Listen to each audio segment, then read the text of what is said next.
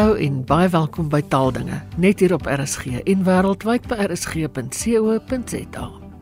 Nou my gaste vanoggend is die bestuurshoof van die Afrikaanse Taalraad, Dr. Konrad Steenkamp, en die taal- en kultuuraktivis, Dr. Willa Boesak.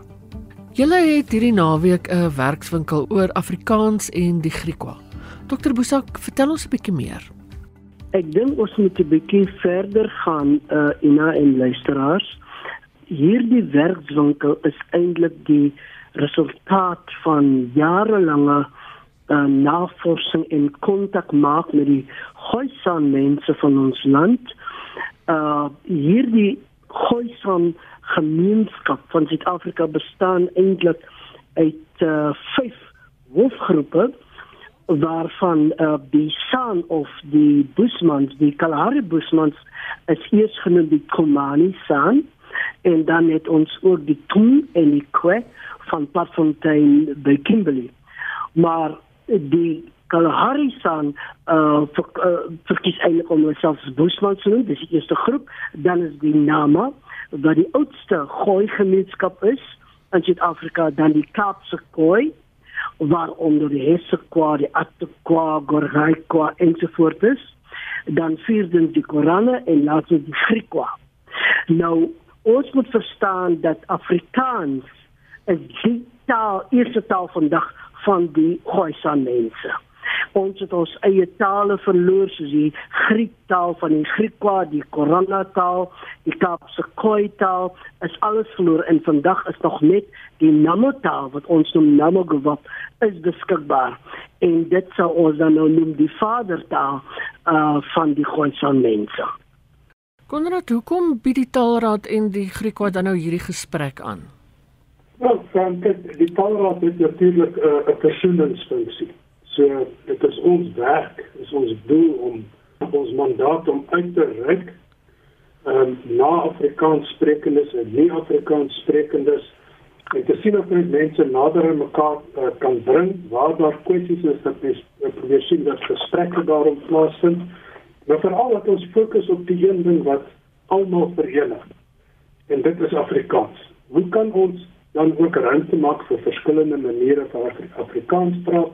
Hoe kan ons almal laat welkom voel binne die onder die hoed van van Afrikaans? So gesprekke soos hierdie met die Griekwa is vir die taalraad uiters belangrik want dit help om om hierdie platform, die Afrikaanse platform uit te brei help om daai verskillende mense bymekaar te kry sodat gesprek kan begin plaasvind.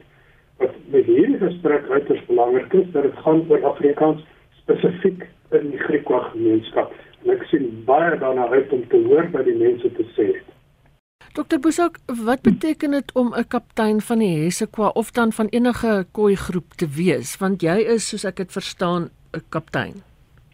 Ja, um, ons moet natuurlijk verstaan uh, Ina, dat uh, hierdie soort titels soos um, kaptein en selfs koning en so wat glad nie ons oorspronklike titels nie.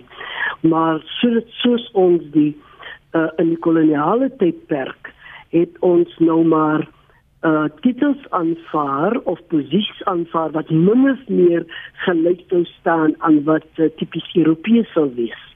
Uh daarom het ons nou en is dit eintlik binne die Griekwa uh gemeenskap dat die titel uh, kaptein uh, uh al lank al aankom van die middel 1700s uh, is Adam Cook is toe die uh, staf vergee deur die VOC en uh, omdat hy die leier was van 'n uh, 'n nie geskepte groep weet die losstaande mense soos uh, vryslawe uh, uh, kwa al langs die Weskus langs het Adam Kok eintlik wat self 'n uh, 'n vryslaaf was het toe die het toe met een van die vroue getrou en op die manier het kaptein dus ingeburger geraak. Vanaf die middel 1700s veral binne die Sirkwa uh, gemeenskap uh, maar daar is ook buitekant uh die Sirkwa gemeenskap ook die kaptein aanvaar in my geval is my broer oudste broer Reggie hy is die stamhoof en ek is eintlik sy regterhand die Sirkwa is daar meer na die uh, Overberg, Natendal, uh, Montetjie daai wêreld. Die byeenkoms word by die kasteel gehou. Is daar iets simbolies aan die feit dat die gesprek juist daar plaasvind? Ehm um, ek dink julle albei kan dalk iets daaroor sê. Ja, uh, uh, dit is nou al redelijk bekend uh, uh, als ons die film Courtois en Agneem en, en die onlangse documentaire op die uh, SABC van Johan Abrams 7 uh, episodes van die cultuur en geschiedenis van die Gooisaan van ons land, uh, dat daar een uh, verbindenis is. Uh, niet zo sterk als die uh die wat slaaf gemaak is in die Kaap waar die kasteel gebou het nie maar tog is dit merkwaardig dat toe Kretua wat die hoofstolk geraak het vir Jan van der Beek en toe later uh sy verban na Robben Eiland en sy daar gesterf toe sy in 1674 sterf was die kasteel alreeds in aanbou en is sy in die binneplein van die kasteel uh, begrawe. En van daai tyd af het ons tog 'n verbintenis en het die kasteel ook vir ons 'n kulturele en uh, geskiedkundige verbintenis. Daarom is die kasteel vir ons belangrik. Soekend om te onthou dat die kasteel val onder die gesag van die weermag en die weermag self het uh, veral onder leiding van Calvin Gilfin uh, Gilfin wat die direkteur is daar uh, of HEB uh, het hulle die kasteel as dit ware bevry en oopgemaak vir mense sodat ons die kasteel het nie meer daar die uh, lelike negatiewe konnotasies soos van daar waar die donker kamer was die foltering wat daar pas gehad nie en ons is maar te bly dat ons gereeld kan gebruik maak van die kasteel uh, met sy nuwe uh sal sy image of nuwe beeld na buite. Konrad? Ja, um, ek dink dit wat die kasteel en wat mense in die algemeen minder van bewus is, is die invloed wat die kasteel op die ontstaan van Afrikaans gehad het. Nie die, die kasteel as sulks nie, maar die interaksies om die kasteel.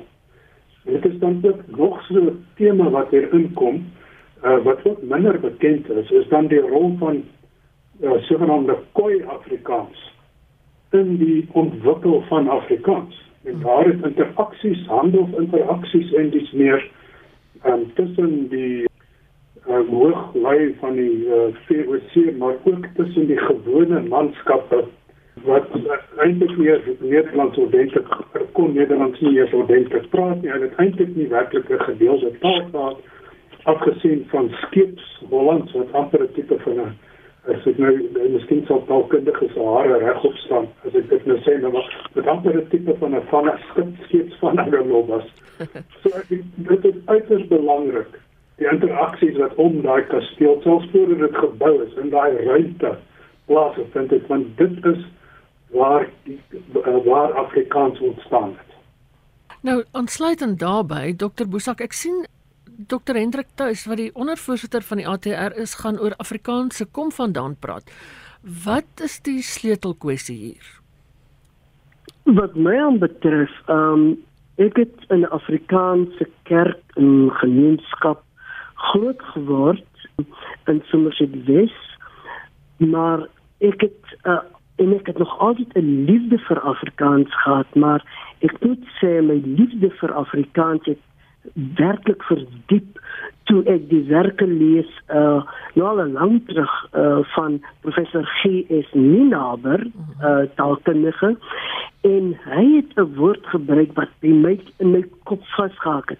Naamlik dat Afrikaans het begin uh, ons praat nou natuurlik nou hier al van die 16de eeu af uh 60 jaar voor die aankoms van Jan van Riebeeck het uh skryf van uh, um geef Ninaber dat die Afrikaans wat toe ontstaan het wat die gebaretaal wat al meer as 100 jaar tussen Europese seevaarders en die en die Khoisa vierboer ontstaan het vars water, vars vleis ensovoort het daardie taal is toe die gebaretaal is toe vervang met Hottentots Hollands.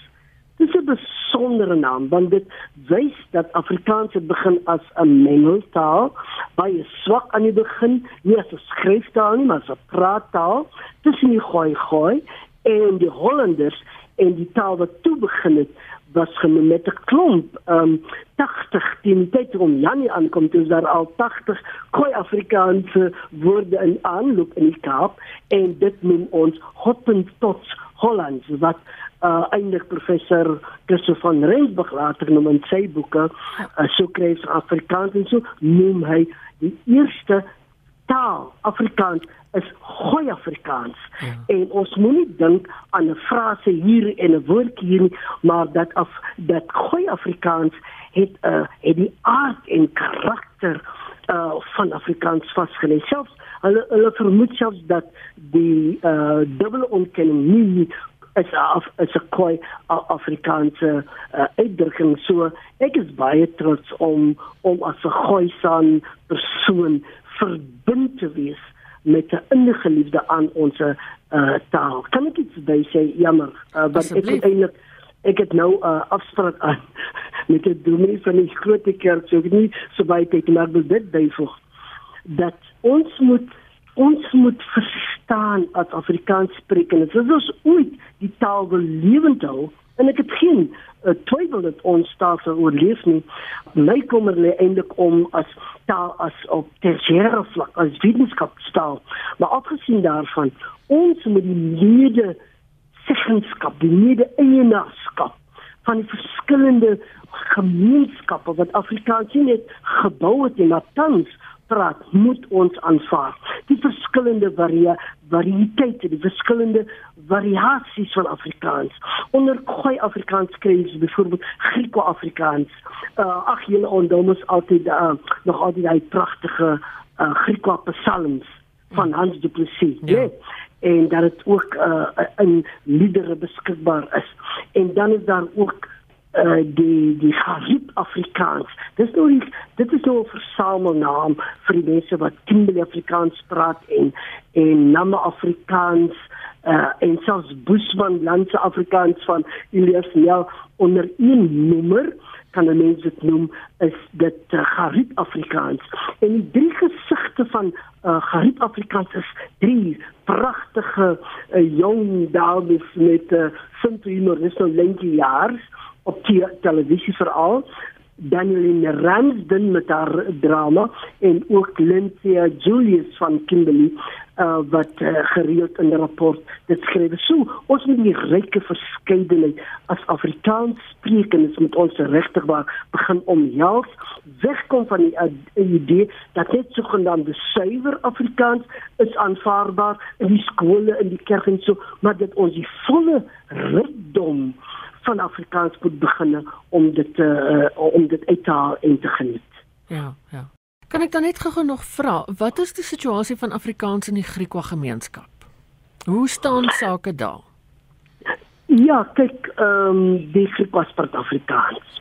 Maar ongelukkig het dit Griekwa Afrikaans baie tipiese uitdrukkings wat ons wel lees in die 80er jare het uh, professor uh, van Rensburg en Du Plessis het in die Vrystaat by vroue gegaan. Dit is vir my so wonderlik, dit is altyd die moeders wat die taal in die lewe hou, soos Ouma Katrina die nou taal uh, gered het. Uh die vroue, daarom Ek wonder daarom noem het, uh, ons dit 'n moedertaal, dit is die moeders wat begin met die uh, kinders en die babatjies te praat. Maar in elk geval, uh, dit is so dat baie van die uitdrukkings is verlore en dat dit meer uh, algemeen Afrikaans gepraat word in die Griekse gemeenskap, maar daar is tog 'n behoefte van hulle by hulle om weer die Griekse uh, Afrikaanse uitdrukkings te laat herleef. Konrad, afgesien van die taalraad se versoeningsrol. Wat probeer die ATR bereik met hierdie soort gesprekke? Ja, hierdie is kyk dan natuurlik oor ander redes ook om met die Griekwa te praat, net soos wat ons met ander gemeenskappe praat. En dit het verband met ehm uh, die kwessie van uh, die taalverskuiving, die feit dat te veel mense oorskuif na Engels toe. Uh, die statistiek wat ons het is dat dit beloop by kans 20000 mense per jaar. So. Afrikaans na Engels verskyn. Maar dit is 'n geweldige getal daarin. Afrikaans sal nog steeds groei. Uh, dit is verseker ons ons weet dit sal groei. Um, maar dit kan baie die groei kan baie sterker wees. Dit is natuurlik beter vir die taal. So ons praat op die oomblik oor hierdie kwessie in verskillende gemeenskappe en dit strek van wit na bruin na swart. Dit is nie beperk tot een spesifieke gemeenskap nie. Daar's baie mammies wat hulle hulle dink hulle gaan nou oor see woon en dan loop hulle op die strand raak en dan praat hulle Engels met die babatjie want hulle wil nou nie die kind moet verward wees wanneer hy nou in Engeland aankom of waar ook al nie. So ons praat een van die sleutelgoed waaroor ons hier praat is die oordrag van die taal tussen die generasies.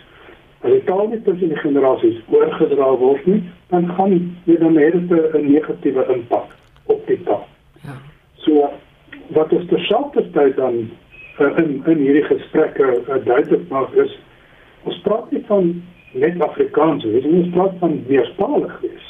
Die ouers wil hê hulle kinders moet Engels ook kan praat.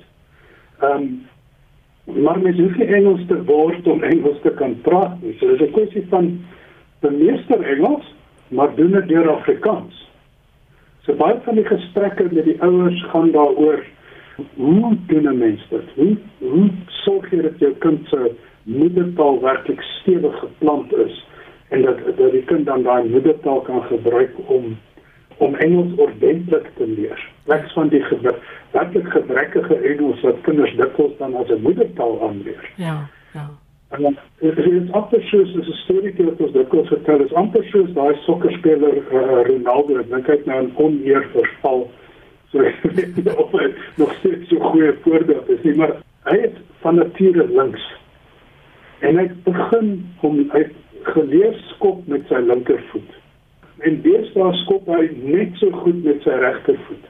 Ja. Nou stel dit self voor sy ouers het hom gesê nee, dis verkeerd om met die linkerbeen te skop, skop met die regterheen. Oh. Hy sou nooit die speler geword het wat hy vandag is nie. Absoluut en, en ons vind dat mense is gefassineer deur hierdie idee van linkskop reg, regskop en uiteindelik beide te kan gebruik, ewe goed te kan gebruik. Ehm um, soos dit ons nou in die tale eintlik ook wil bereik. Ja. Die, die, volgende stap is 'n bietjie en dit is waar hierdie die Griekse gesprek besonder belangrik is en dit is nou jammer uh, wel van die waar afgeval hierso. En dit is die, die waarde van Afrikaans in die gesin in die familie en die gemeenskap. Ons praat deeltyd van nou direk kan vertaal sosiale kohesie. Ja. Maar hierdie kohesie gebeur nie sonder taal nie. Nie binne die af konteks van Afrikaans nie, ook nie tussen Afrikaans sprekendes en ander mense.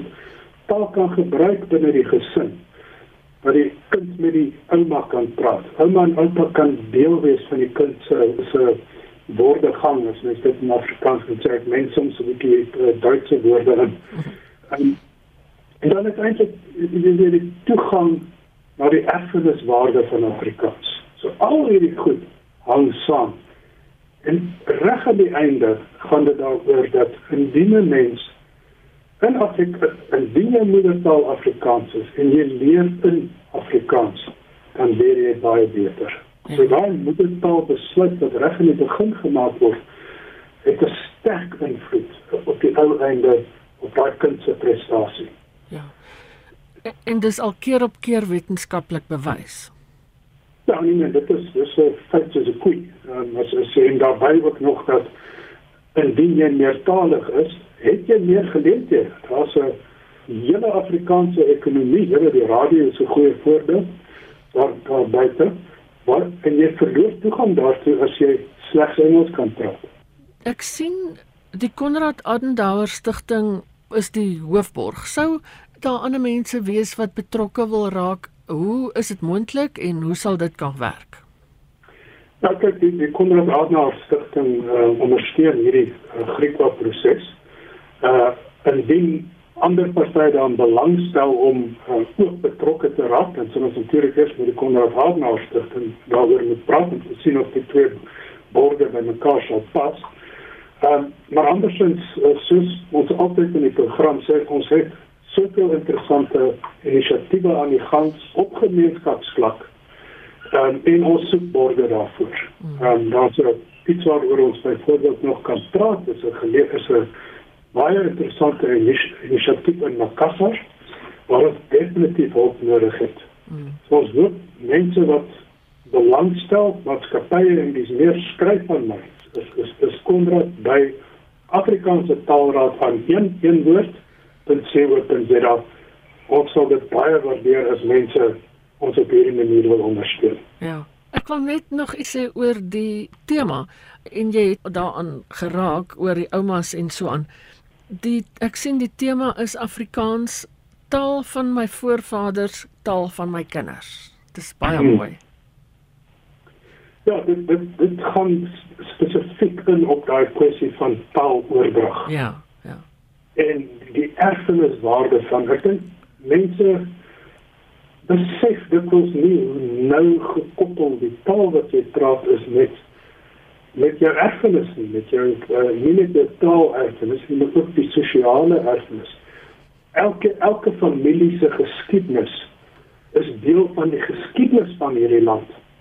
En mens mens vergeet 'n bietjie as 'n mens uh, daar is mense nie meer so bewus van die hulle raak nie meer so betrokke by die geskiedenis nie. En as op 'n gesprek is is hierdie daai skakel wat net meer sigbaar kan maak want dit dit help om die waarde van taal beter te verstaan. Dit was die bestuurshoof van die Afrikaanse Taalraad Dr Konrad Steenkamp en jy het ook die stem gehoor van die taal- en kultuuraktivis Dr Willa Boesak. As jy weer na die program wil luister, kan jy die potgooi aflaai by rsg.co.za en ook sommer daar rond sniffel na allerlei interessante potgoeie wat beskikbaar is. daarmee is dit ook groet uit. Geniet die res van die dag in RSG se geselskap, bly veilig, bly gesond en van my Ina Strydom groete tot 'n volgende keer.